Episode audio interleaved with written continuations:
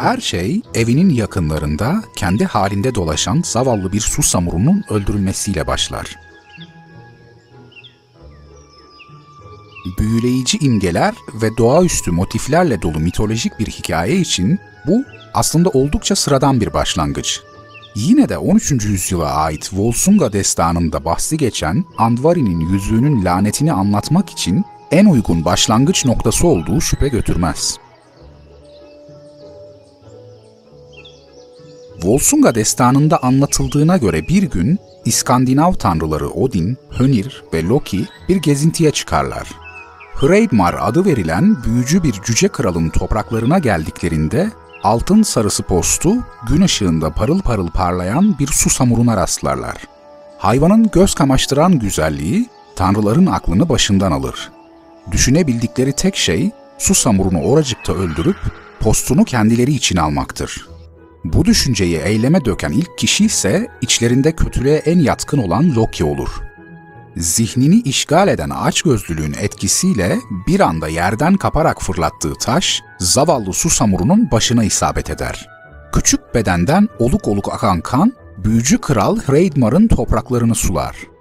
Odin, Hönir ve Loki hemen hayvanın başına üşüşürler. Göz kamaştıran postunu yüzer Geriye kalan et yığınını ise kemiklerinden ayırarak bir güzel mideye indirirler. Ancak mideye indirdikleri bu su samurunun aslında Hreidmar'ın şekil değiştirme yeteneğine sahip oğlu Otr olduğunu anlayamazlar. Bir süre dinlendikten sonra başlarına geleceklerden habersiz olarak Kral Hreidmar'ın eritilmiş altın ve mücevherlerden inşa edilmiş görkemli sarayına gelirler. Amaçları ele geçirdikleri postun ne kadar güzel olduğunu ona göstermektir. Ancak Hreidmar tanrıların elinde tuttuğu kanlı postu görünce adeta çılgına döner. Güçlü büyüsü ve geriye kalan iki oğlunun yardımıyla Odin ve Hönir'i görünmez zincirlerle bağlayarak alıkoyar. Loki ise dökülen kanın bedelini ödemeye zorlanır.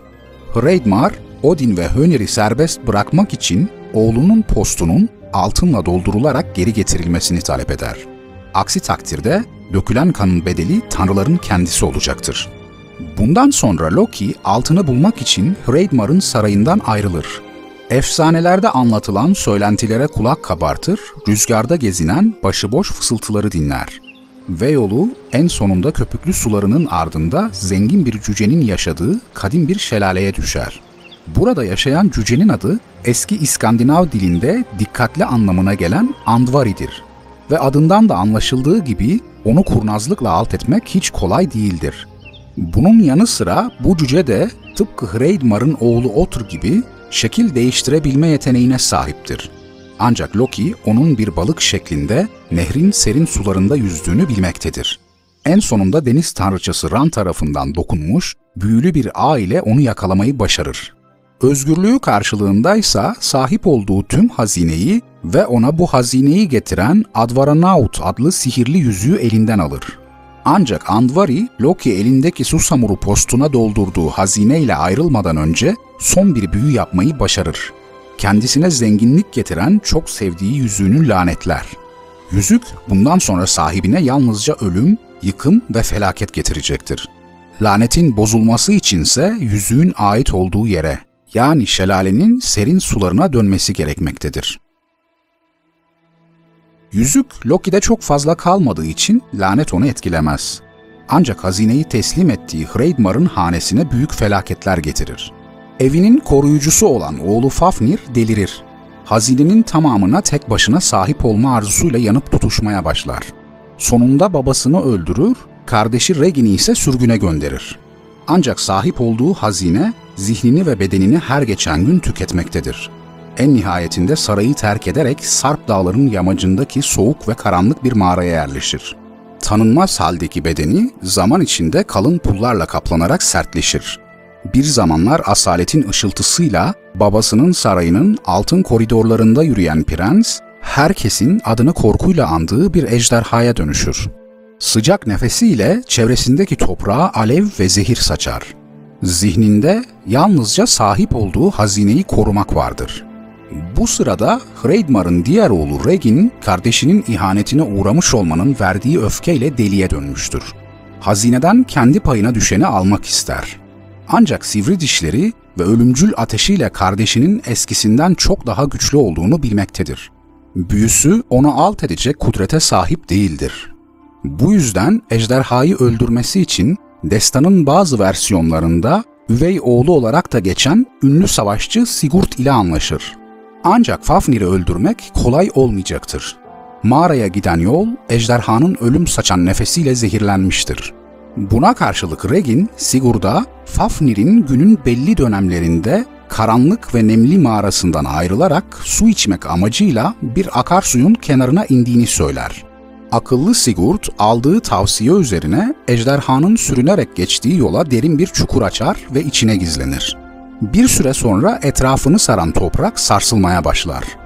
Fafnir'in hantal bir şekilde attığı adımlar yerküreyi titretmektedir. Sigurd yüreğinde filizlenen korkuya rağmen yerinden ayrılmaz. En sonunda ejderhanın ürkütücü gölgesinin saklandığı çukurun üzerine düştüğünü fark eder. Sıkıca kavradığı kılıcını Fafnir'e doğru savurur ve onu öldürür. Destanların farklı versiyonları hikayenin bu aşamasında Sigurd'un başına gelenler hakkında farklı ayrıntılar verir. Bir versiyona göre genç adam Fafnir'i öldürür, kanını içer ve kalbini kızartarak yer.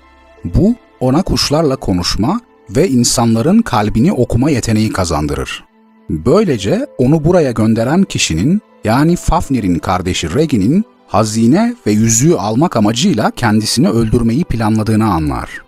Diğer bir versiyonda ise Fafnir ölmeden önce ona yüzüğün getirdiği ölüm ve felaketten bahseder. Hazineyi orada bırakarak kaçıp gitmesini tavsiye eder. Ancak Sigurd'un zihni çoktan lanetin pençesine kapılmıştır. Ölümün er ya da geç geleceğini, buna karşılık böyle bir hazineye bir daha asla sahip olamayacağını söyler. Artık düşünebildiği tek şey hazineyi ele geçirmektir. Durumu anlayan Fafnir, Sigurd'u Regin'e karşı uyarır. Zira kalbinde hissettiği açgözlülüğünün kardeşinin kalbini de esir aldığını bilmektedir. Ayrıntılar farklı olsa da yaşananlar benzerdir. Fafnir'i öldüren Sigurd, hazineyi deliler gibi arzulayan diğer kardeşin ihanetine karşı uyarılmıştır. Ayrıca artık kendisi de hazineyi arzulamaktadır.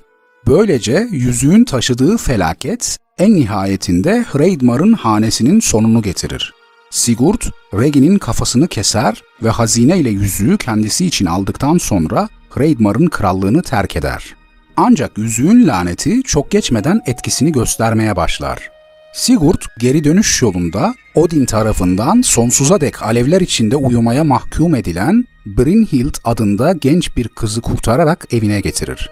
Fakat bu durum güçlü bir büyücü olan karısı Gudrun'un pek hoşuna gitmez. Ardı ardına yaşanan trajediler aklı hem lanet hem de karısının büyüleri tarafından zehirlenmiş olan Sigurd'un ölümüne sebep olur. Çok geçmeden Brynhild de onunla aynı kaderi paylaşır. Lanet Sigurd'un hanesine ölüm ve kan getirmiştir. Bundan sonra hazine Gudrun'un erkek kardeşi Kral Gunnar'ın eline geçer. Ancak bunlar hazinede bir sorun olduğunu anlamıştır. Bu yüzden onu hiç kimsenin bilmediği, çoktan unutulmuş bir mağaraya saklayarak çürümeye terk eder. Ve yıllar gelir geçer, hazineye dair efsaneler masallara dönüşür. Zamanın görülmez tozları altın ve mücevherin üzerini kaplar. Masallar dahi unutulur. Ancak ne olursa olsun lanetli hazine ilk günkü göz alıcı parlaklığı ile o mağarada kalmaya devam eder. Ta ki ilk sahibi Andvari tarafından bulununcaya dek. Ancak bu mutlu son değildir. Andvari hazinesine kavuştuğu için sevinse de yüzüğü hala kayıptır. Efsaneye göre hayatının geri kalanını beyhude yere yüzüğü aramakla geçirir. Aklı, kalbi ve ruhu tamamen ona bağlıdır. Fakat ne kadar uğraşırsa uğraşsın, hiçbir zaman ona ulaşmayı başaramayacaktır. Destanın bazı versiyonlarına göre yüzük Sigurd'un karısı büyücü Gudrun'da kalmıştır. Ancak daha da ilginci, Gudrun Sigurd'un ölümünden sonra Atli adında güçlü bir kralla evlenir. Destandaki bu efsanevi kişilik gerçekte ünlü Hun hükümdarı Atilla'ya karşılık gelmektedir. Ve yüzüğün laneti kaçınılmaz olarak onu da etkileyecektir. Gudrun hazineyi bulması için onun aklını zehirler ve lanet en sonunda hem Atilla'nın hem de krallığının felaketini getirir.